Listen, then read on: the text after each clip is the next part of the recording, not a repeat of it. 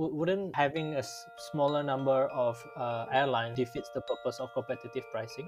Would you say that the aviation industry's contribution towards the global economy outweighs its adverse effect on climate change? There's competing views on whether these bailouts are actually effective use of uh, the taxpayers' money.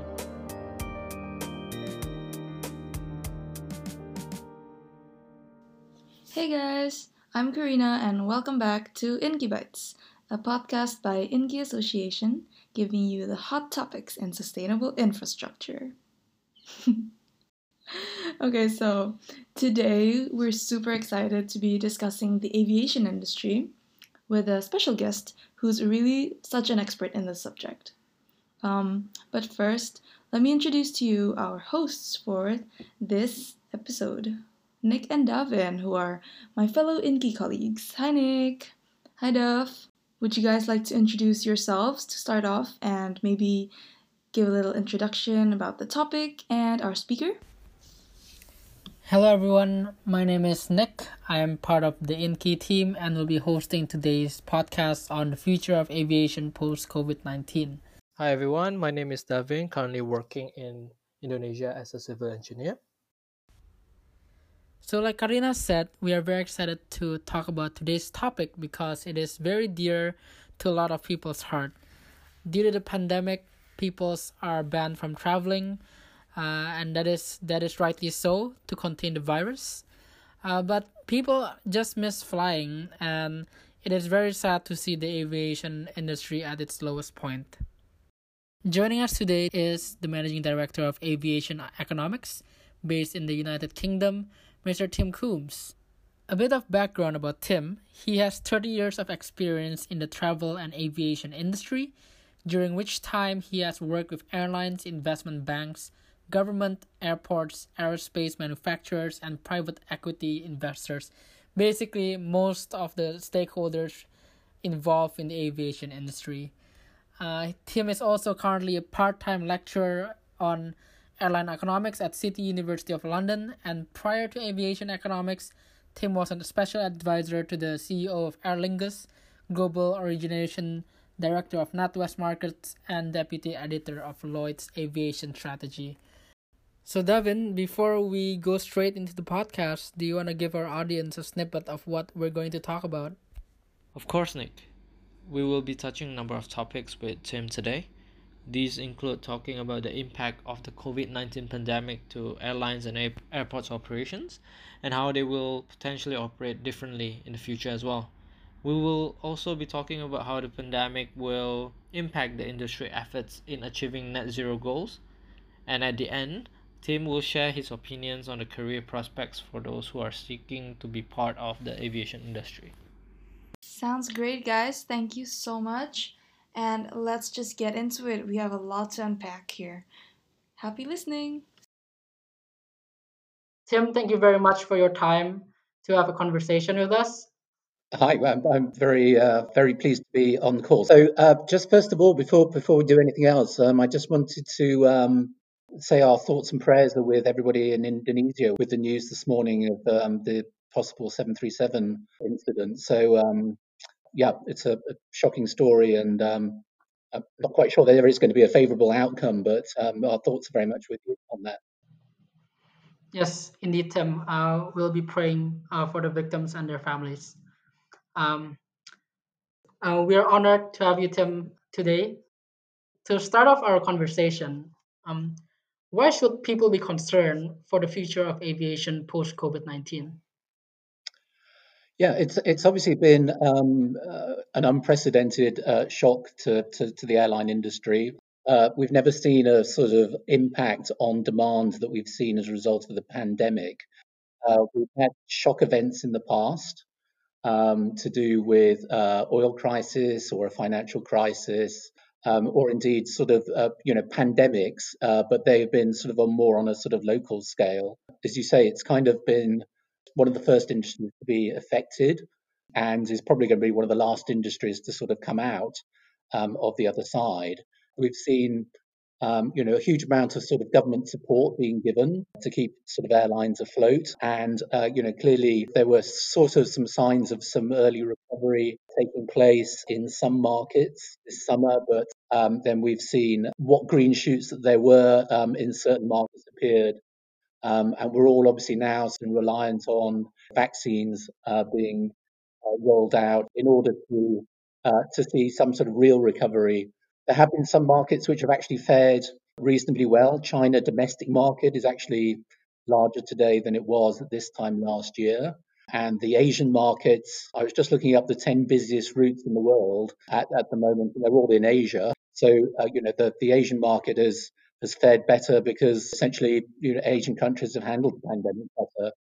Um, I think most, most sort of forecasters um, whether there be sort of industry bodies like IATA or manufacturers or um, trade associations, um, you know, we're not looking to get back to 2019 levels of traffic until about 2024, maybe 2025. There's going to be different rates of recoveries in different sorts of markets. I think we'll see, you know, clearly domestic traffic comes back sooner than uh, international traffic. Um, and I suppose the other sort of great concern from an aviation point of view is um, you know, as we've as we're doing these sort of calls um, using Zoom and Microsoft Teams and everything else, uh, whether there's going to be a sort of full recovery in the business traffic, uh, which the airlines have relied on so much um, in terms of revenue generation and profits. Right. Thank you, Tim. Um, and and certainly, uh, the aviation industry has been a media attention uh, throughout the pandemic with the government bailouts and um, the interventions that the government made. Um, how big of an effect exactly has the aviation industry contributed to the global economy? Um, this is just to give a perspective of the role of the aviation industry has actually to the whole entirety of the economy. I, think I, think IATA sort of produced a statistic. The aviation industry, if it was ranked as a country in terms of GDP contribution, it would rank about 28th or something like that. Clearly, for certain countries, you know, aviation plays a sort of more important role than in certain other markets. You know, if we look at a country like Indonesia, you know, with the islands that you have there, um, you know, aviation is a core part of functioning of, of the Indonesian economy in order to sort of ensure connectivity for certain markets, um, there is a sort of huge reliance on tourism. You know, the only way you're going to get tourists to, to New Zealand is, is by air. And then there's a incredibly important role in terms of cargo. You know, as a result of this sort of pandemic, actually, it's sort of the importance of air cargo um, in terms of keeping just-in-time uh, distribution going. And you know, there's going to be a absolutely pivotal role um, for aviation as part of this pandemic, at least, uh, getting vaccines out to you know remote communities and getting them shipped from production centers within within Europe and the United States and elsewhere to parts of the world in, in South America and Africa and so on. So aviation sort of, you know, has, I expect we'll touch on this later, but, you know, has obviously come under a lot of criticism because of its impact on climate change. But nevertheless, one shouldn't underestimate how pivotal it is in terms of keeping sort of world economy growing. And, uh, you know, it's going to be very important in terms of trying to get some economic recovery. Aviation will play an important role in that. Okay, Tim, thank you for that. uh, that's very insightful. Uh, just going back to uh, that airlines operating as a cargo uh, by means that a couple, uh, a number of uh, airlines in the world, like Eva Air, even Garuda, has been um, very active in, in terms of their cargo cargo side of the business um, how would you see airlines now operate differently in the near future? One of the worst things that's come out of this, this from from an industry perspective, um, is that we've had a new word invented called preighter, uh, which is airlines actually using passenger aircraft as freighters. So cargo being uh, loaded onto passenger planes.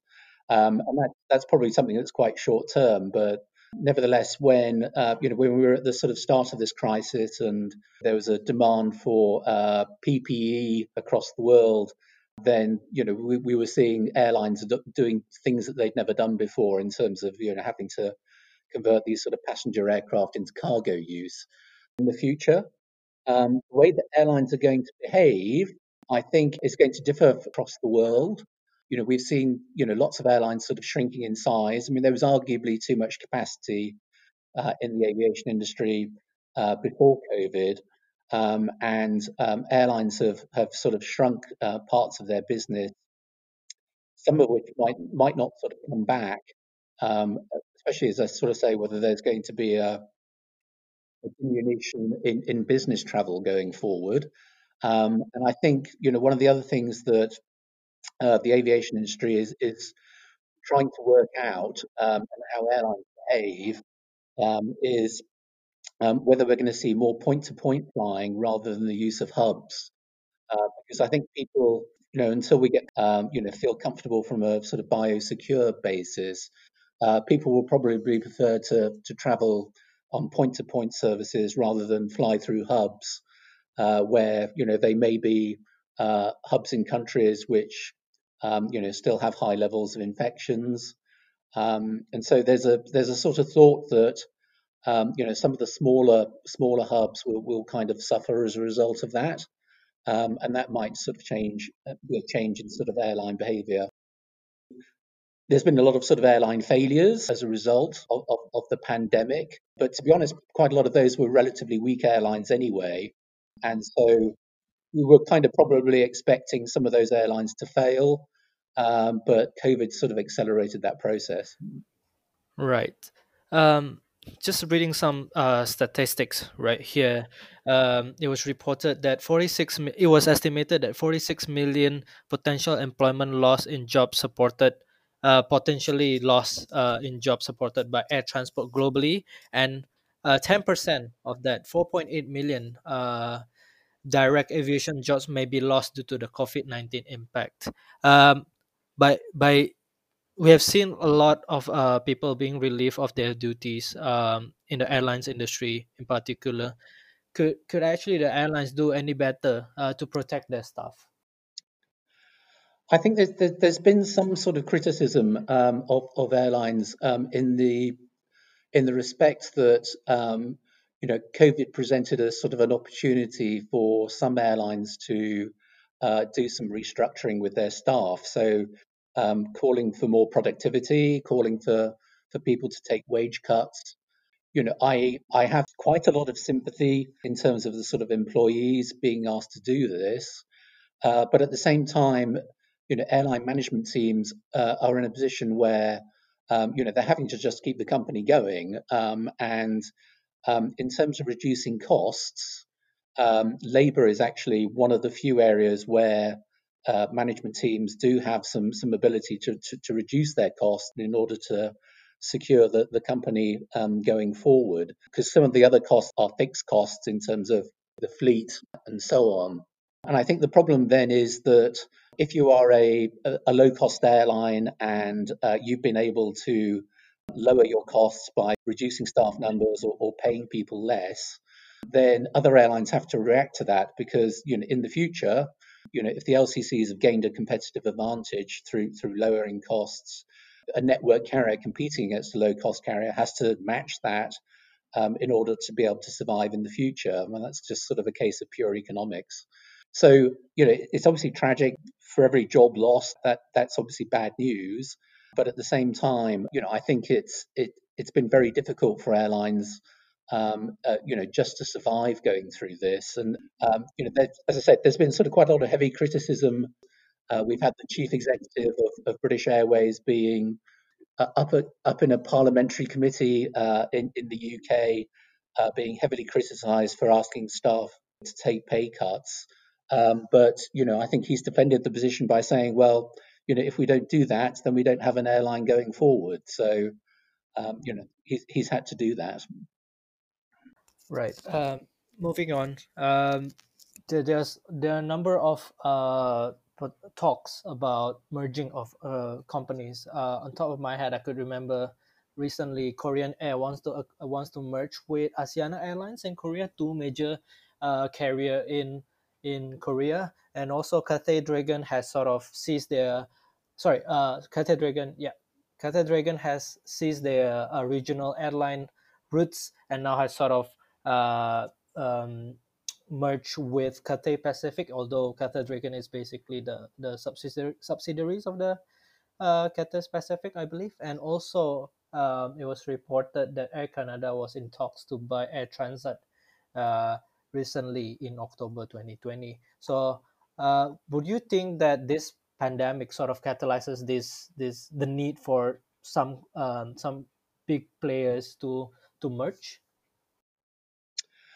Yeah, I think when we when we sort of first went into the pandemic, um, uh, I, I, sort of wrote a piece um, on on our website um, that was predicting an awful lot more mergers um, than have actually taken place. So, um, I mean, the ones that you cited are, are, you know are very important, clearly, but we've actually not seen quite a lot of airlines, uh, you know, going through merger activity.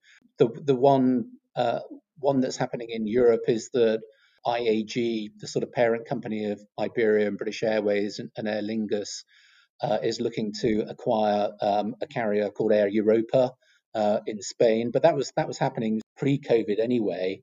Um, and actually, there's been sort of quite a, a, a lack of activity on the on the sort of M and A front in the industry.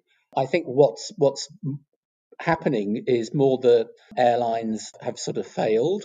Um, so we're kind of reducing numbers um, in, in, that sense through airline failures. But I think I think M&A activity may emerge. I mean, we have, and to be honest, we have too many airlines flying around the world, but you know they remain protected to a certain extent because of uh, rules regarding national ownership.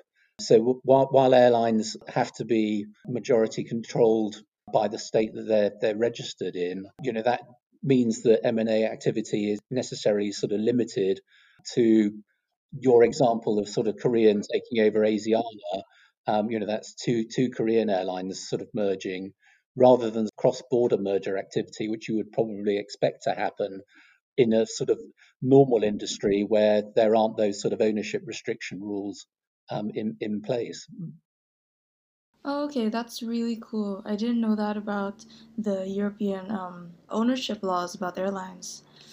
Um, but can I just clarify one thing? What do you mean when you say that there are too many airlines flying around? Like, is the market oversaturated or something? Yeah, I think when um, if you sort of look at what's happened in a sort of fully deregulated market uh, like the United States, um, you know, we've ended up now with five airlines uh, controlling something like 84% of the market. Um, so, you know, American uh, taking over US Airways and United and Continental and Northwest and Delta getting together. Um, so, uh, you know, in an industry um, like aviation, um, you know, again, we would kind of expect in other sort of global industries, you have the emergence of, you know, major players. Think about mobile phones, for example. You know, there are, and there's only a sort of handful of players in, in the oil market. Um, you'd kind of expect that global aviation players dominating that marketplace. But because of the ownership restrictions that exist, we have over, I think it's over 500 airlines flying around the world at the moment. I think if, if you removed all those sort of uh, regulatory restrictions that exist in the aviation market through ownership, um, you know, I think we would have a, you know, a much smaller number of airlines operating on a on a global basis. And you know, airline alliances have been used to make that happen today. But if, if those restrictions were to be, be removed, then you you probably see uh, Japan Airlines and American Airlines and IAG, you know, merging together as, as, as, one airline. And and will that be more efficient, like having a smaller number of airlines? Uh, um, yeah, I'm just uh, having a thought on that. Yeah, I think so. I mean, economic benefits of scale that you you get from um, you know, operating as, as one airline, uh, you know, certainly exist in the aviation industry. Think about the sort of aircraft orders they would be able to place and the discounts they'd get from the manufacturers. Um, you know, having one head office staff, one sales team, more coordinated on, on maintenance and things like that. You know, I think as if aviation became like an, any other industry without these ownership restrictions in place, um, and if governments were willing to to let go of their national ownership um, and, and, privatize their carriers, um, then in due course, but I'm not saying in 10 years or 20 years, but, but in due course, you know, we'll end up with structured around the three global alliances we have today. We'd have three global airlines, um, and then you know perhaps some big low cost carriers or whatever the sort of new models will be in the industry. Might be a hybrid carrier. Um, again, but again, operating on a sort of global basis rather than on a regional basis. Um, okay, but isn't it that um, flying in the United States is much much more expensive than flying in Europe, just because of just because in Europe you have so many options for flying and um, all the airlines remain competitive.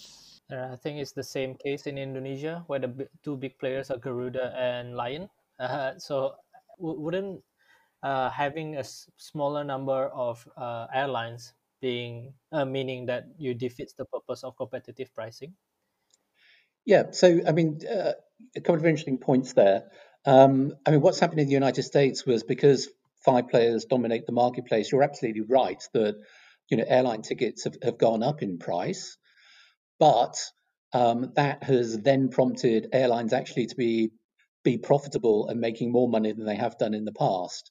Um, so we have an industry, um, the aviation industry, which doesn't meet its its cost of capital. Um, so it's only been in the last uh, few years that actually um, the industry as a whole has met its cost of capital and is therefore, you know, providing decent returns to shareholders um, and is is properly investable. But that's been driven by the United States rather than than anywhere else in the world. So you're right to sort of say that from a consumer point of view, it's kind of bad news that airline tickets prices are, are high. But at the same time, that actually means for the first time that airlines have been producing a, a, a decent return, a decent margin, and um, provided returns to shareholders um, and so on. And you know they they brought in quite a lot of cap capacity discipline um, off the back of that. Um, but you know that that that's how an industry should should behave um, in in some respects. You know, is to is to be profitable and not relying on government support. And you still have competition. I mean, you have um, you know, in the United States, there are pre-COVID at least, there were thoughts of sort of more startup airlines. Um, you know, if pricing becomes too high, um, you'll you will see uh, disruptors coming into the marketplace. Uh, talking about the Middle East being the the hub for transit between Asia and Europe. Uh, I, I'm I'm sure my colleagues here can can relate to me when I have to fly to the UK to study. Due to the competitive pricing, uh, we often opted to taking the big three hubs: Abu Dhabi, Dubai, and and uh, and Doha. And one of the main attraction, the reason why people would like to transit on top of the competitive pricing that they provided are the airports. The, the airports, in comparison to those in the UK, in the Europe, they have a much more um, elegant, I would say, uh, uh, and luxurious um, services in the airports. And airports become uh, a very big thing in the aviation industry a couple of constructions that's uh, i think i'll just take a, one example. Changi airport terminal 5 it was suspended for a couple of months because of the covid situation and they were redesigning uh, a couple of elements of the ter- uh, of the of the airport. How do you see um, the constructions of or the planned constructions for the for the airport in the world uh, being affected in in the next few years? Yeah i think that, that that's, that's a very interesting question. Um, and I was actually talking to an airport planner yesterday, um, and we were sort of talking about this. So the, the industry obviously had to sort of adapt in post 9 11 um, to introduce you know much more security measures and screening and so on and so forth. And you know that clearly took you know a couple of years for that to become an efficient operation as opposed to an absolute disaster, which is what it was when it first started, with sort of huge uh, queues for security and um, you know the same is going to happen now um, in reaction to COVID. And I think whatever an airport can kind of do um, to reduce the sort of personal contact at the airport, I think they will try and do in the future. Um, and clearly, you know, as, from a COVID point of view, you know, airports are having to be as biosecure as, as they possibly can going forward. And I think that will inevitably require, you know, more spacing to be provided but you know, I, again, as I say, I think that's been a sort of trend that's already been happening in the industry, with uh, you know trying to reduce staffing levels by by getting us to do self check in. Um, and I guess you know the other thing from a from an airport perspective is depending on where we go um, as as an industry, and this is something that you know I've, I've I think the industry has been really appalling at um, over the last nine months. Has been trying to work out how we get back to, to travel from people having to provide tests, you know, whether we have vaccine passports, and you know, there's not been an industry response to this uh, in a sensible way, and there's not been a governmental response to it in a sensible way either. You know, we've seen airports like Heathrow. Uh, it's got one of the largest sort of testing facilities uh, in the UK, and is you know trying to find a way to provide testing, whether it's on departure or on arrival, and you know ways it can sort of minimise uh, the hassle of travel through people having to to quarantine because that's really dampening the demand for travel. The chief executive of Heathrow uh, was talking this morning um, about uh, whether you can actually pre-quarantine, so you self-isolate for five days um, and have a test five days before departure, maybe a test at the airport. And then when you get to, to wherever you're going, then uh, you are deemed to be COVID safe um, on the other side. So, um, you know, for for airports like Heathrow, which have got lots of money um, and have international backers behind them, you know, that's something that they can do. Um, that's probably something that is going to be beyond a sort of small regional airport um, as to whether they can provide those sort of facilities. Um, so again, I think I think from a from an aviation uh, point of view, uh, you know, with just about you know everything else that's kind of going around um, in terms of demand, um, you know, it's it's put a lot. It's going to put a lot of pressure on the sort of regional airports um, to to be able to survive. Um, and you know, inevitably, the, the the bigger airports, the better funded airports, um, you know, we'll be able to perhaps introduce these more biosecure uh, measures in, in an easier way um, than, than for some of the smaller players. Right. Uh, thank you, Tim. Uh, we have covered uh, the impact of COVID to airlines uh, and airports and potentially how we will travel in the future. Uh, now we're going to move on to the role of the government. Um, what are the policy responses that the central government have or could implement to help the aviation industry back to its feet. Um, we know that there's uh, several bailouts already, but there's competing views on whether these bailouts are actually effective use of uh, the taxpayers' money. Uh, what is your view, Tim? I mean, obviously, uh, in the United States, President Trump introduced the sort of CARES Act, which has thrown tens and tens of billions um, of US dollars into supporting the, the US uh, airline industry. Um, we've seen I, I think the last number I saw was something like 130 billion of aid being given to airlines across the whole world. But the sort of simple economics of that is that, you know, that's a huge amount of money going into the aviation industry. The revenue shortfall is probably more like 250 billion. So the aid is obviously welcome. And, you know, without that aid and some state support, there'll have been a lot more sort of airline failures some of the aid has come, you know, as direct support, but quite a lot of it has come in as, as loans. So for some airlines whose balance sheets were already sort of reasonably weak, they've now ended up with a huge amount of more debt, which they're going to have to repay over the over the next few years.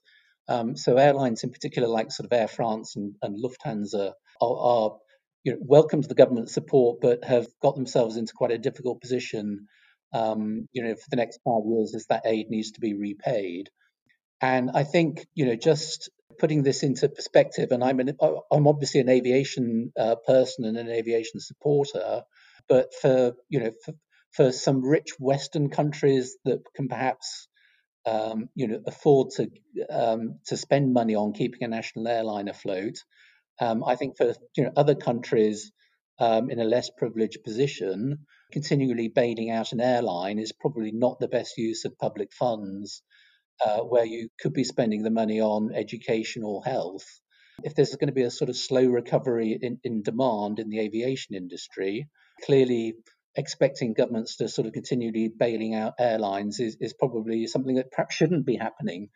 So, inevitably, as you sort of go through a crisis, the better run airlines who've had cash on the balance sheet actually, you know, have been able to go to shareholders to raise to raise money. Um, so, you know, the likes of EasyJet and Ryanair and, and IAG have only been receiving government support in the sense of furlough schemes that have been run, which have been, you know, bailing out, you know, other parts of the industry as well. Um, and they haven't received any sort of state aid. Um, whereas, you know, carriers around the rest of the world have been receiving um, state aid. So, um, you know, once again, the sort of strong get stronger.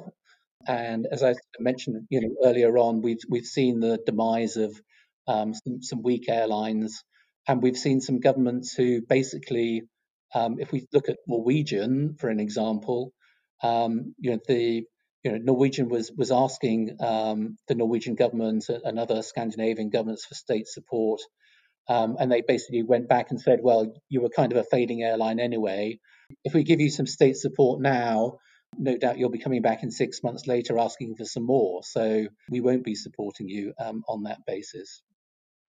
The other point on this is that, uh, again, I think we're always going to t- touch about the impact of, of, of aviation um, on climate change. Is that some of the state aid that has been given to airlines in Europe by the French government, by the Belgian government, by the Austrian government to support their their flag carriers. They've actually tied that into um, uh, environmental issues. So they've asked the airlines to do less flying on short haul routes where there are maybe alternatives in terms of rail travel. And so they've made it contingent on the basis that their sort of carbon footprint is reduced as a result of that. Um, and perhaps we'll see a bit more of that um, elsewhere across across um, other countries as well. Mm. Yeah, and I think this is a good segue uh, to our next section, which is the uh, the impact of aviation on climate change. Um, the industry have set ambitious goals to meet their net zero goals, uh, both internationally and domestically. Uh, uh, among them, the United Nations Carbon Offsetting and Reduction Scheme for International Aviation, CORSIA, and uh, more recently, uh, Britain avi- aviation industry has set out plans to reach target of net zero carbon emissions by 2050. But as we know, the pandemic changes the aviation landscape. So my question is, do you see the pandemic as a catalyst or rather as a barrier for the achievement of these goals? Yeah, it's it's a really good question. I think the, the 2050 target was obviously, as you say, it's sort of set pre-pandemic, probably was was going to be hard to achieve, but you know was something that you know airlines have been working very hard to try and achieve. You know, in some respects, it's not the airlines who are going to be achieving this; it's going to be the aircraft manufacturers in terms of the ability to build aircraft with different sorts of power plants, whether they're sort of hydrogen cells or, or battery powered electric, electric aircraft. You know, the industry is kind of working really hard at trying to do that. But to me, you know, those targets were going to be really hard to achieve because, you know, we're having the latest generation of aircraft that are being delivered today are going to still be flying in 20 years' time. So so therefore, you know, a 2021 delivery aircraft is still going to be flying in 2041. So how we how we kind of reduce the sort of carbon emissions is going to be, you know, very difficult unless there are some really major uh, step changes in technology. Um, and I fear uh, those targets are going to be met either by reduced flying or through, um, you know, carbon offsets being being used. And um, I'm always kind of torn on this um, issue because aviation does play such an important role in in, in global uh, economics. Um, you know, it's all, all well and good sort of trying to uh, make aviation a part of this. That you know, I've heard you know one or two people sort of mention that it should be recognised that the carbon emissions it has today are going to, um, you know, if they account for, depending on whichever measures you want to use it, but let's say 8% of carbon emissions today globally, um, that it should be accepted that aviation's carbon emissions as a percentage of the global total is just going to go up and increase because, and we just have to accept that that's going to happen because aviation is playing such an important role in the wider economy that other industries which in terms of power production, in terms of cars where we can use electric cars, and in uh, industries where you can meet those sort of carbon targets, perhaps aviation should be excluded from that because it's just too difficult to do. Because you know, electric aircraft are going to have a, a reasonable range of maybe you know a thousand kilometers or two or three thousand kilometers, but they're not going to be able to go long haul. This just doesn't doesn't work, and therefore we should exclude aviation um, from from those really harsh targets that are being set. Now that's you know that's an aviation person kind of talking, but um, it's going to be so difficult to achieve um, in in this industry that, that perhaps it should be regarded as an exception. I don't think Greta Thunberg would agree with that comment. Where, where so Tim, where do you think uh, what are we gonna achieve at 2050? Where, where do you think we're gonna be at? Uh, uh, are we gonna be? Uh, because you mentioned that we won't be on target, we won't be net zero carbon by 2050. Where do you think we're gonna be? 50, 40, or somewhere along that never gonna happen? I, um, yeah. Well, I, I, think if we, you know, unless we sort of fundamentally change our our behaviour, it's, it's for your it's for your generation, to be honest, to sort of make part of these decisions. So, um, you know, if you want to if you want to study in the UK, um, if you want to visit friends and relatives, if you want to do international travel, quite a lot that's going to be done by air. But um, you know, I think airlines are going to sort of try and encourage you to still take holidays and to meet friends and relatives um, wherever they are around the world, um, and so on. So I think, to be honest, it's going to be it's going to be your your personal behaviour um, that might drive what that number might look like in 2050, rather than the aviation industry. So, would you say that the aviation industry's contribution towards the global economy um, outweighs its adverse effects on the on climate change? Yeah, so I always remember, uh, and this was when airlines were first being criticised for this.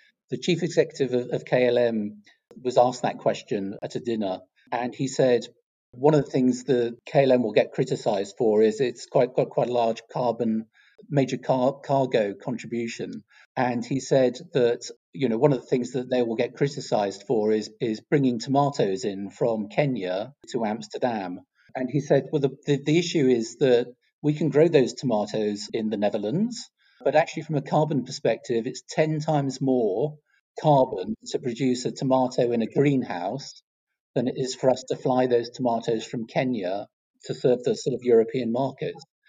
So if you're an economy like Kenya, which is you know reliance on producing fresh flowers and, and fruit to be sold in, in European markets, if we if we just say the aviation industry is, is a bad thing and we shouldn't be doing this sort of flying, um, then suddenly you, you're having a major impact on on the Kenyan economy, and you're putting a lot of people in poverty, Kenyan farmers and so on, um, which you know to my mind is really a bad thing. So, as always, it's a huge, impossible balancing act that you're trying to achieve.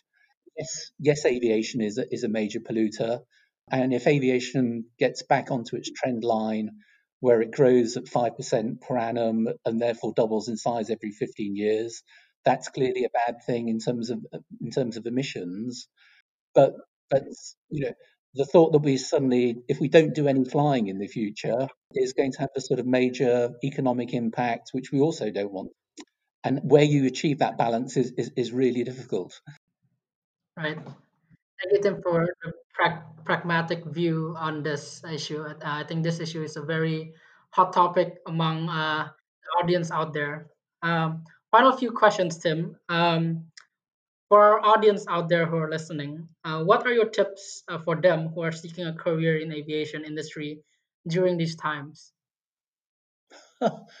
um, uh, well, it's it's um, my tips. Um, I I fell into getting into the aviation industry by mistake. So um, I did a transport economics degree at university, which didn't have any aviation content um, in it.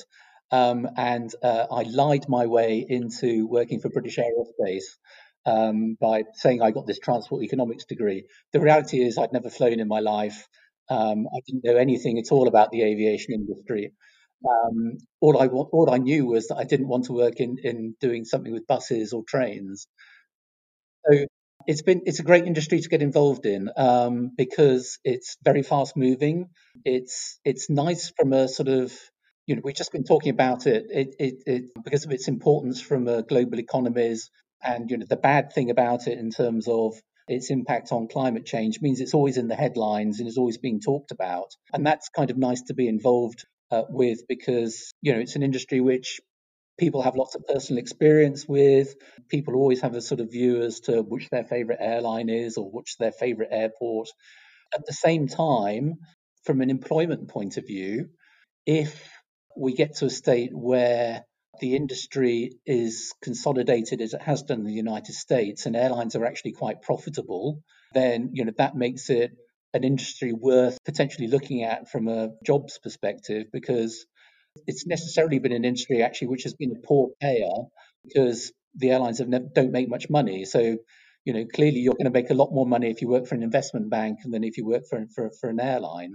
But you know, I think the the industry has become more interesting because there's a sort of greater use of data um, and you know the leading airlines um, in Europe, like EasyJet and Ryanair, are spending a huge amount of money on trying to understand the data that they've got um, and how they can use that data in terms of their interaction with, with, with passengers uh, going forward.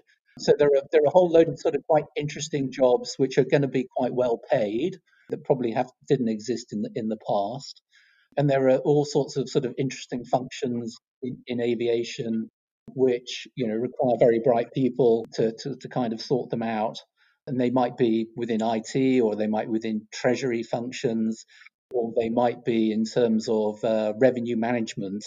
And so I think there's been a criticism in the past that the aviation industry hasn't been able to attract the brightest and the best. But I think that that might sort of change in the future. Um, and it might not just be airlines. I mean, think about aircraft manufacturers as well um, and airports as well. I, I hope that sort of answers your question. And I hope that my sort of enthusiasm for the industry might get across. Um, and as long as you can bear with yourselves that, um, as often happens um, uh, from personal experience, you, you put you meet a whole load of new people at a dinner party or something like that, and they sort of ask you what you do, and you sort of shamefully say, "Well, I work in the aviation industry," um, and you have to sort of worry that they're going to then say, "Well, you're you, are destroying the planet," and you have to sort of uh, come up with, uh, as I say, my KLM tomato example is, is, is a good way of trying to diffuse that. Right. Just want to end this with a in a lighter note, Tim. Uh, there are two questions. The first one is, what is your favorite airport? Second one, uh, which country do you want to travel first after this pandemic is all over? Um, my favorite airport. I have to answer in, in a couple of different ways. Um, I suppose, you know, a favorite airport to tra- travel through in terms of a large airport would be somewhere like Singapore, although it's been a while since I've, I've been through there.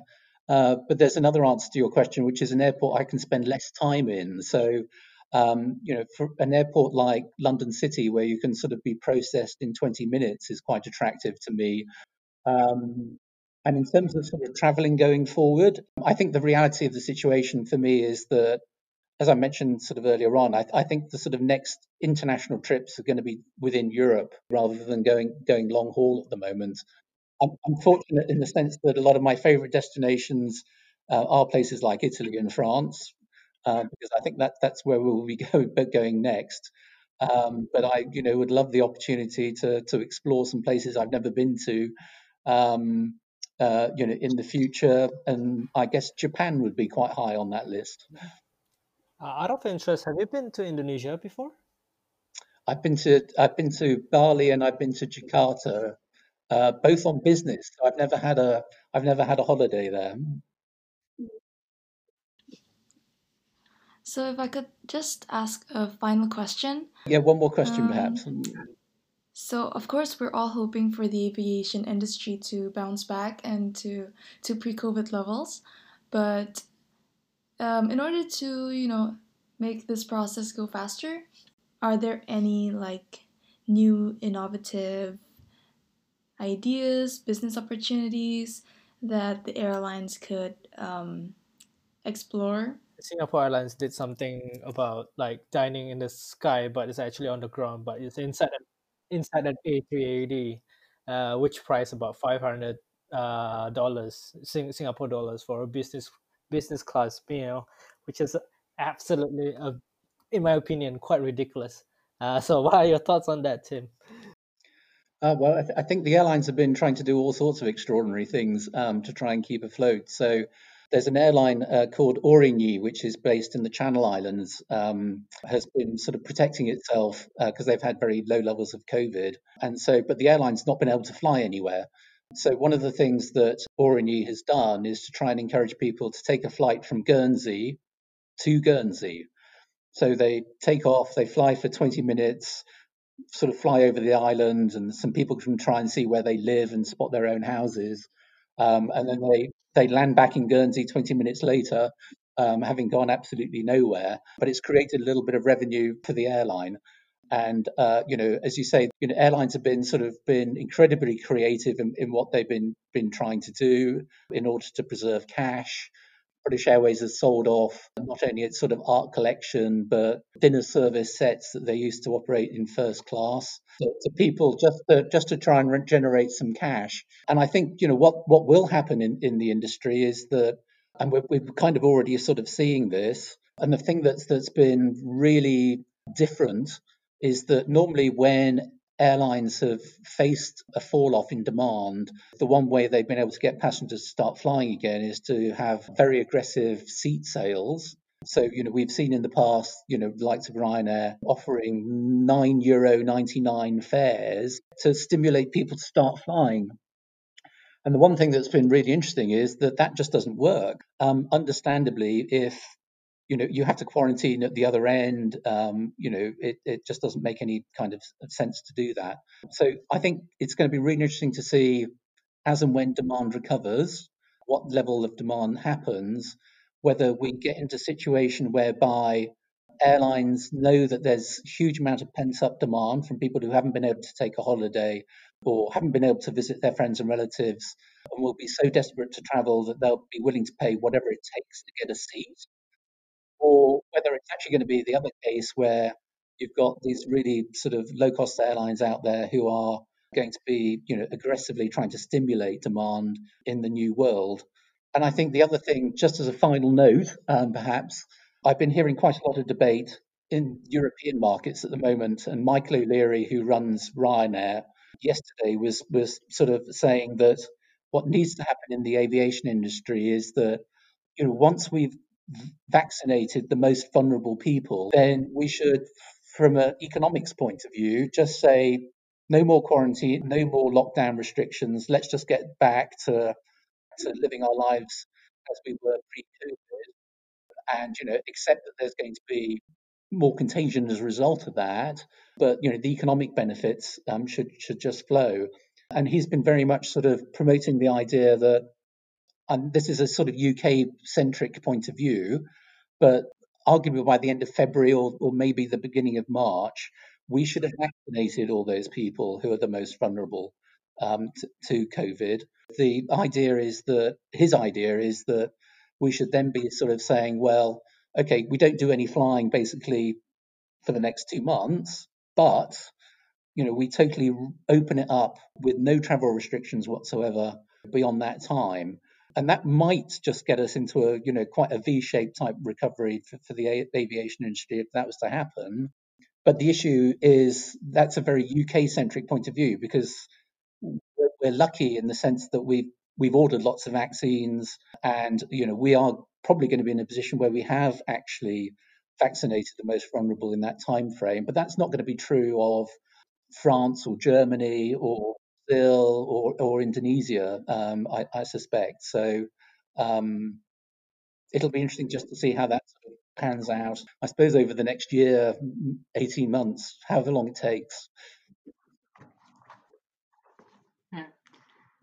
Okay, I think that's a good good note to end our podcast. Uh, to wrap up, uh, our conver- conversation have shown the significance of the aviation industry to the economy, the widespreading call of action uh, to all stakeholders from government, uh, airlines, uh, and even the people themselves for the industry to recover, and also how much the people miss flying based on the creative, creative initiatives that is done around the world.